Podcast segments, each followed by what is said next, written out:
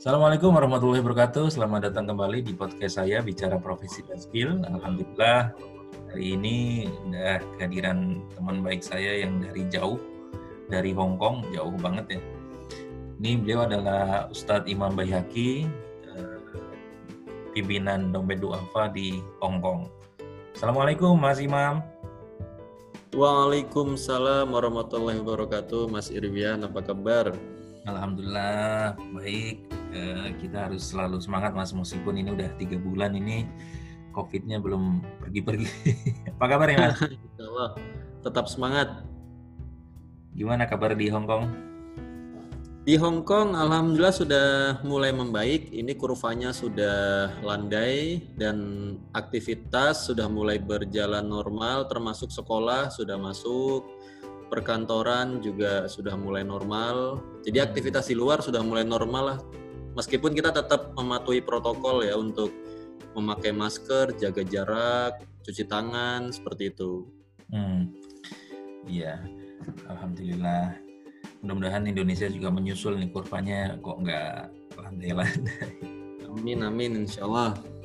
Ya sebelum kita ngobrol-ngobrol lebih lanjut, Mas mungkin bisa mm -hmm. perkenalan diri ke teman-teman pendengar. Monggo, Mas. Ya, terima kasih Mas Iriwian kesempatannya. Saya Imam Bayhaki, biasa disapa dengan Imam atau Haki, tapi kalau waktu SMA sama Mas Irwian karena name tag-nya tulisannya M Imam B, jadi dipanggilnya Imam. Tapi kalau di rumah pada manggilnya Haki sebetulnya. Hmm, lulusan teknik kimia sama kita nih ya Mas Irwian ya lulusan teknik kimia. Cuma yeah. saya ya lebih kampung lah universitasnya ya di Undip Semarang. Nggak kampung loh Mas. Saat ini aktivitas di Dompet Duafa ini aktivitas sosial keagamaan. Eh, sebelumnya pernah ditempatkan di Jawa Tengah, sebelumnya lagi di Banten. Nah, jadi ini penugasan yang ketiga kalinya nih. Jadi pertama ditugaskan di Banten, kemudian di Jawa Tengah, baru sekarang di Hong Kong. Nggak tahu nanti ke mana lagi nih karena kita prajurit ya harus siap ditugaskan saja nih Mas Irwian. Hmm, siap gerak ya. Paling jauh ya Mas ini Mas? Ini paling jauh ini ya pertama kali keluar ini saya. Oh. Ya, mudah-mudahan lebih jauh atau lebih dekat Mas doanya Mas. Kalau sekarang kayaknya pengennya lebih dekat nih Mas Irwian nih. Oh iya, mudah-mudahan kita doain iya. lebih dekat. Setelah Mas. melihat Indonesia dari jauh kok ternyata memang paling enak itu hidup di kampung halaman memang Mas Irwian. Berarti saya harus bersyukur nih, saya belum jauh-jauh nih, masih di sekitaran aja nih. Iya. Mungkin kita pengen uh, tahu dulu nih, Mas. Uh, tadi kan ceritanya dari teknik kimia juga nih sama saya. Uh, yeah. sekarang ada di Dompet Duafa. Itu perjalanannya gimana, Mas? Bisa uh, ke DD ini, Mas?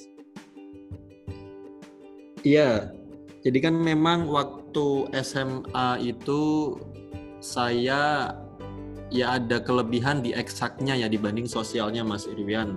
Mm-hmm. Ya samalah mungkin kita kan uh, lebih menonjol di IPA-nya. Nah, makanya ketika memilih kuliah ya kita tentu memilih kuliah yang bagian IPA gitu kan. Kemudian dari berbagai rekomendasi uh, termasuk rekomendasi dari guru juga akhirnya mengambil teknik kimia dan lolos.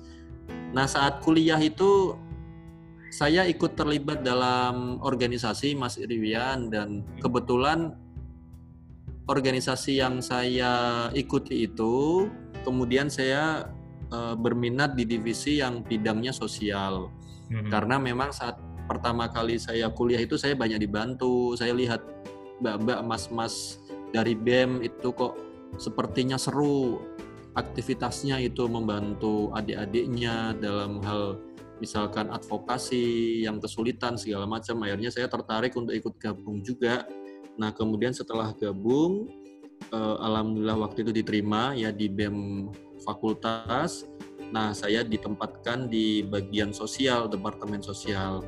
Nah, saat itu saya mulai menyukai aktivitas sosial, Mas Irwian.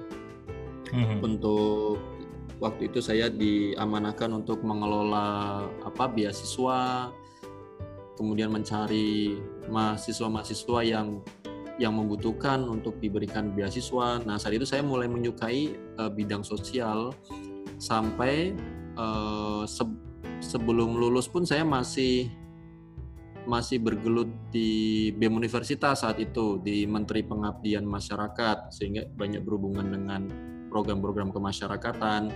Nah, sehingga seperti sudah mendarah daging gitu Mas Irwian sudah hmm. menyukai, menjiwai aktivitas sosial.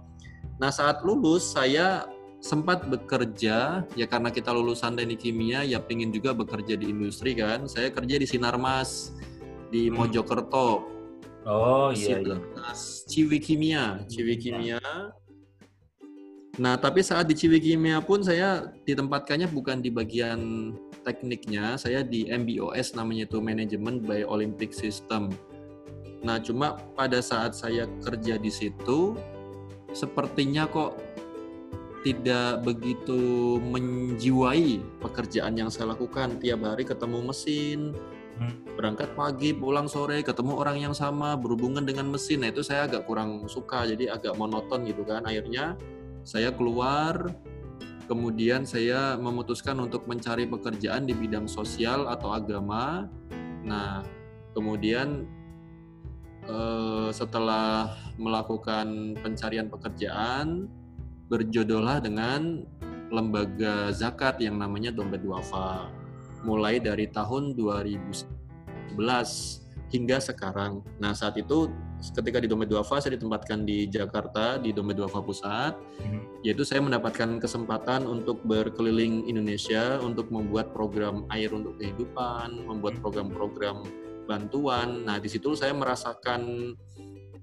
ya kayak mendapatkan dunia saya kembali ketika waktu saya mahasiswa Mas Rivian. Hmm.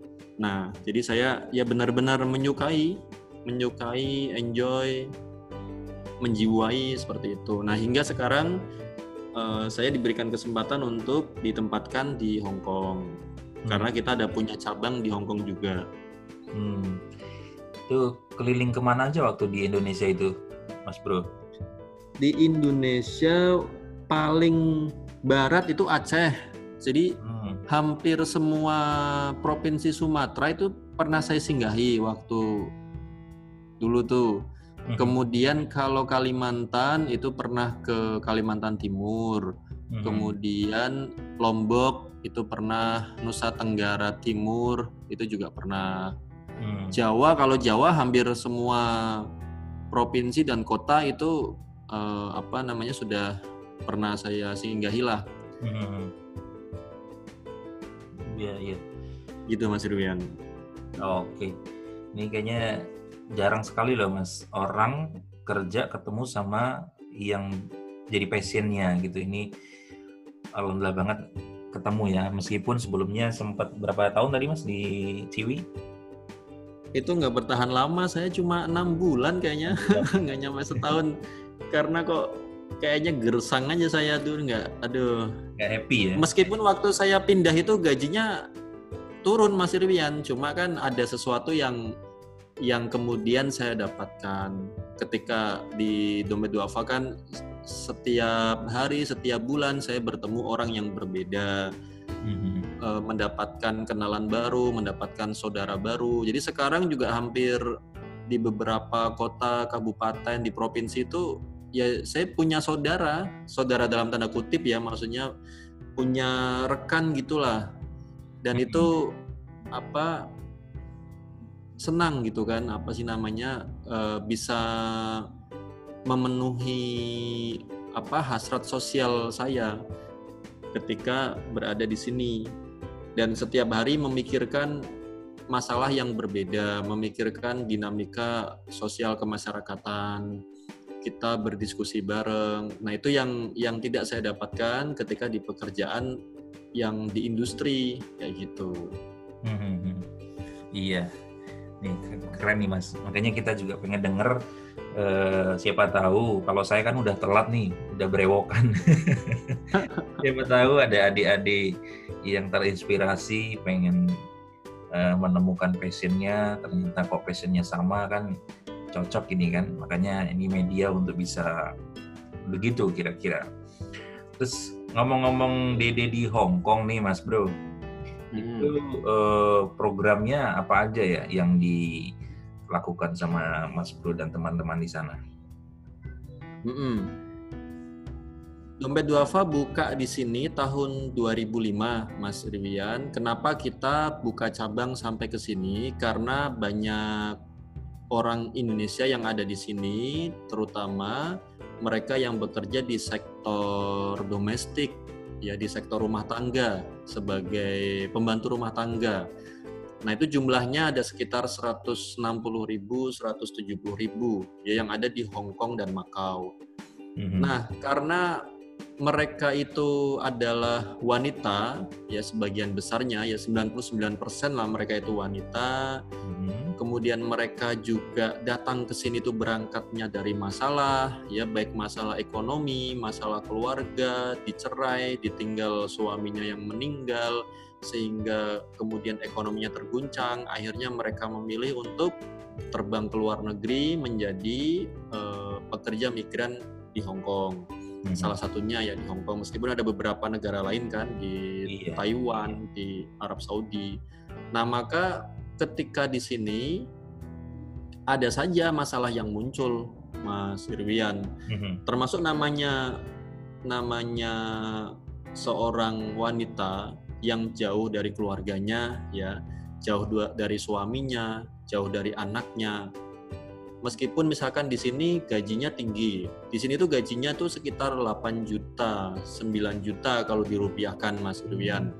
Kan kita mendapatkan itu di Indonesia kan berat Betul. untuk orang yang eh, apa namanya tidak berpendidikan ya. Artinya maksudnya yang bukan sarjana itu kan berat. Sarjana pun dapat gaji segitu juga mungkin susah kan. Nah, makanya meskipun secara uang mereka besar tapi muncul masalah-masalah yang lain misalkan suaminya yang di Indonesia kemudian apa eh, dapat istri yang baru lah atau anak-anak juga tumbuh kembangnya tidak bersama ibunya atau di sini juga mereka kemudian uh, punya masalah yang baru pergaulan yang bebas pergaulan yang tidak baik masalah narkoba, masalah apa kelainan seksual segala macam. Mm-hmm. Nah, makanya kita hadir di sini untuk bisa meminimalisir resiko masalah yang terjadi di sini. Mm-hmm. Kemudian kita di sini membuat komunitas-komunitas majelis taklim, kita membuat pelatihan-pelatihan. Jadi program kita itu kalau kita kerucutkan ada tiga bidang. Yang pertama adalah layanan sosial dan dakwah, kemudian yang kedua itu advokasi, yang ketiga pemberdayaan.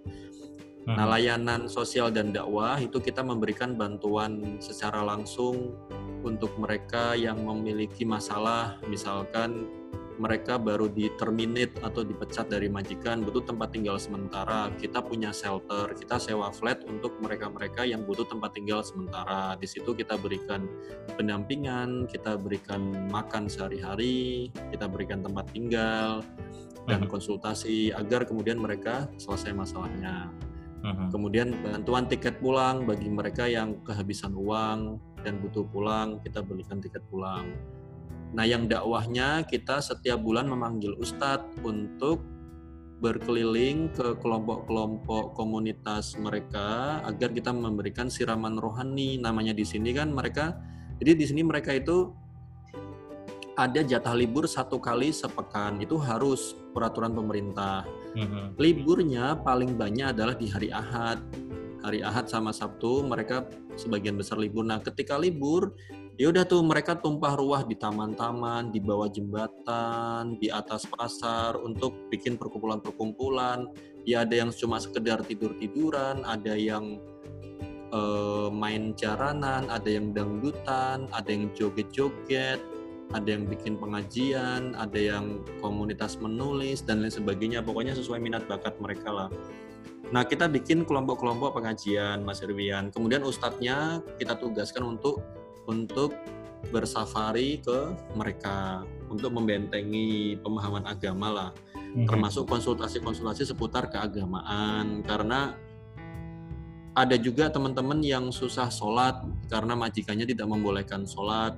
Kemudian bertanya ini gimana kalau kita sholat di toilet karena satu-satunya ruang di rumah yang tidak ada CCTV-nya adalah toilet, sedangkan di tempat lain semuanya ada CCTV. Hmm. Kalau saya sholat di situ kena CCTV saya bakal dimarahi, bakal dipecat.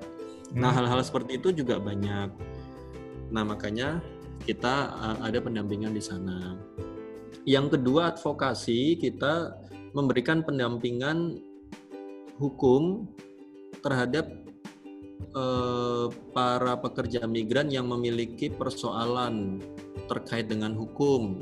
Kita dampingi ke KJRI, kita dampingi ke NGO-NGO yang memang khusus untuk menangani persoalan-persoalan buruh migran agar kemudian masalahnya selesai. Misalkan dia hak-haknya tidak dikasih, atau dia dapat pelecehan seksual, atau dia kena pukulan, kena apa. Nah untuk menuntut maka itu kita perlu dampingi ke pihak-pihak terkait, ke labor, ke departemen uh, di Hong Kong yang terkait, departemen sosial maupun departemen ketenagakerjaan. Nah, seperti hmm. itu. Hmm. Kemudian yang terakhir pemberdayaan. Nah, ini juga penting karena kita ingin membekali mereka dengan keterampilan kerja agar ketika pulang ke Indonesia mereka tidak hanya mengumpulkan uang, tapi mereka juga memiliki keterampilan kerja. Jadi hmm. waktu libur mereka sekali sepekan itu kita dorong agar dimanfaatkan untuk menimba ilmu Nah, kita ada pelatihan menjahit, ada pelatihan komputer, ada pelatihan manajemen keuangan, hmm. pelatihan internet marketing. Nah, agar nanti pas pulang, oh iya saya punya punya plan untuk bikin warung, saya punya plan untuk jualan online. Nah, ketika pulang mereka tidak balik lagi ke Hong Kong untuk menjadi TKW, tapi mereka uh, uang yang sudah dikumpulkan bisa dijadikan usaha di rumah selain untuk bikin rumah, selain untuk menyekolahkan anak, tapi ada juga yang bisa diproduktifkan. Jadi moto kita itu uh, sukses di rantau, mandiri di negeri sendiri. Kita dorong mereka itu tidak berlama-lama di Hong Kong, tapi kita dorong mereka memiliki target berapa lama kerja di Hong Kong, target berapa uang yang harus dikumpulkan, target apa yang mau saya lakukan ketika pulang ke Indonesia karena banyak juga kasus setelah pulang ke Indonesia bingung uang habis akhirnya balik lagi ke sini untuk kerja. Nah itu yang kita tidak inginkan. Nah itu Mas Irwian secara garis besar. Termasuk kita ada kunjungan penjara juga. Oh iya kita kunjungan penjara karena banyak apa itu ya, Mas? sebagian teman sebagian pekerja migran itu yang dipenjara di sini karena oh. kasusnya sebagian besar narkoba. Dia kurir, dia uh, apa mengantarkan paket ternyata isinya narkoba gitu kan. Oh, tapi nah, dia nggak tahu kalau nganter narkoba.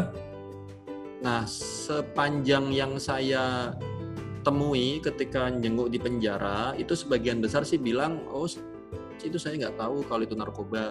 Nah, cuma saya nggak tahu juga dia benar atau dia berbohong. Atau mungkin memang dia tahu, uh, tapi karena butuh uang akhirnya ya dia mau nggak mau nganter demi untuk mendapat uang. Tapi ternyata sampai di tengah jalan ditangkap polisi akhirnya di penjara. Nah itu kita kita jenguk kita kasih motivasi kita ajak ngobrol. Karena kan di sini nggak ada yang jenguk. Keluarga nggak mungkin jenguk kan karena di Indonesia. Itu hmm. kunjungan ke rumah sakit juga banyak di antara teman-teman kita yang sakit dan kadang sakitnya itu berat-berat sakit kanker usus hmm. eh, rahim kayak gitu gitulah nah itu hmm. butuh support kita juga gitu Mas Irwian iya iya uh, dan itu 99% tadi ini ya uh, wanita ya perempuan ya betul hmm. yang laki-laki bisa dihitung lah karena di sini jarang pekerja laki-laki yang sektor rumah tangga ya Mas Irwian ya. Kalau laki-laki hmm. biasanya supir, kemudian jaga kebun, begitu-begitu. Kalau yang perempuan ada yang jaga anak, jaga kakek jaga nenek jaga rumah bersih bersih rumah kayak gitu hmm.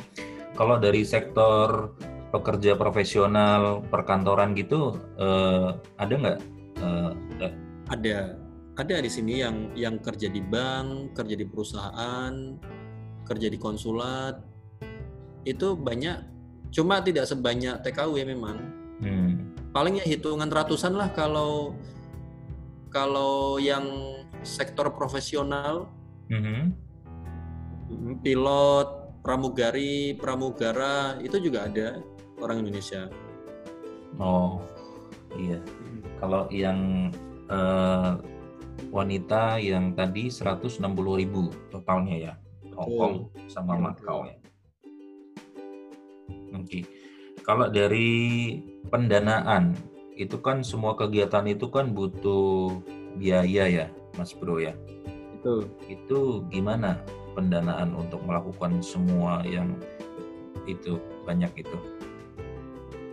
Iya, kalau pendanaan kita ada dua sumber. Yang pertama kita disupport dari dompet duafa yang di pusat. Kemudian yang kedua kita menggalang dana dari teman-teman Indonesia yang ada di sini. Hmm. Gitu. Jadi mereka juga nilai atau jiwa sosialnya itu tinggi sehingga banyak di antara mereka yang kemudian berinfak ke dompet duafa. Hmm Nah, kemudian dana yang kita kumpulkan ya kita gulirkan kembali dalam berbagai program di sini. Hmm. Maupun ketika ada bencana di Indonesia itu kita juga biasanya menggalang dana terus kita kirimkan ke Indonesia. Hmm. Kayak kemarin corona itu kita juga mengirim ke Jawa Timur, ke Jawa Tengah, ke Jawa Barat, ke Riau hmm. untuk uh, bagi sembako yang ada di sana. Hmm, iya. Jadi eh, disalurkan dari dan melalui jaringan DD di daerah-daerah juga ya, Mas ya. Betul, iya betul. Hmm. Oke, ini teman-teman eh, pendengar eh, semua, ini kita dapat gambaran yang banyak juga terkait dengan eh, yang dilakukan oleh DD di Hong Kong selama ini dan ini eh, khususnya bagi teman-teman yang memang seperti tadi pengen misalnya berkarir atau menekuni sosial uh, apa ya namanya ya mas ya? Sosial uh, agent atau apa ya? aktivis sosial gitulah. Aktivis sosial. Ini uh, mungkin ada tips atau pesan mas bro untuk teman-teman yang pengen uh, menjadi seperti mas imam itu kira-kira caranya gimana gitu. Mm-hmm. Jadi sebetulnya kan semua pekerjaan itu baik ya kita katakanlah kita misalkan dari Semarang mau ke Jakarta itu kan jalannya banyak mm-hmm. bisa naik kereta bisa naik pesawat bisa naik apa namanya motor ya kan mm-hmm. nah itu kan tergantung kita kesukaannya masing-masing tapi kadang-kadang kita misalkan pas naik kereta kita ngelihat ke sebelah kok kayaknya naik pesawat enak ya. Kita turun tengah jalan kita kemudian naik pesawat. Naik pesawat kok kok boring ya? Kayaknya naik motor lebih enak nih kanan kiri bisa lihat suasana. Nah kadang-kadang kita begitu kita suka berpindah-pindah profesi karena melihat teman kita kok kayaknya enak kayak gitu. Nah, hmm. nah maka eh, kita perlu menentukan jati diri kita. Kita ini mau bergelut di bidang apa. Mm-hmm. Nah itu harus kita sesuaikan dengan apa kata hati nurani kita kan. Kalau memang oh iya saya pengen jadi engineer, ya udah kita tekuni itu, tekuni engineer. Meskipun misalkan perusahaannya beda-beda, ya itu juga nggak ada masalah. Tapi profesinya itu yang yang kita tekuni sehingga nanti orang mengenal kita. Oh kalau si A, oh dia tuh engineer. Atau kita mau jadi mau jadi politisi ya udah kita tekuni segala macam sehingga orang mengenal kita sebagai politisi kita mau jadi pengusaha ya kita tekuni hmm. eh, apa namanya secara bertahap kita kita pelajari segala macam sampai kemudian kita di titik yang yang stabil sehingga orang melihat kita oh sebagai pengusaha. Nah saya juga begitu. Saya waktu dulu saya ingin ingin jadi apa ya? Kayaknya kalau saya engineer ini nggak cocok ini ya. Otak saya nggak mampu kayaknya Mas Irwian dan saya memang sukanya sosial kan? Akhirnya saya bergelut di bidang sosial. Uh, dan ya udah saya menampilkan diri saya sebagai sebagai pekerja sosial ya social worker. Nah sehingga ya teman-teman saya kalau uh, dengar nama Imam Bayhaki ya berarti oh Imam Bayhaki itu yang urusannya sama sosial sosial kan kayak gitu. Nah itu yeah. personal branding kan. Betul. Nah ya saya jalani aja Mas Riwian. Pokoknya memang saya sukanya sosial saya tekuni saya jalani saya nikmati uh, apa namanya pekerjaannya dengan segala resiko dan tantangannya. Nah, sehingga uh, ya udah mengalir dengan apa yang saya sukai, apa yang saya minati kayak gitu. Nah, termasuk ya profesi lain pun juga sama.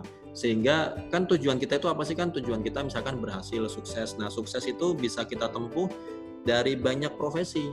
Kayak misalkan presiden kita presiden kita itu kan bukan hanya dari satu macam profesi. Mm-hmm. Ada yang militer, kemudian dia jadi presiden, ya kan Pak SBY.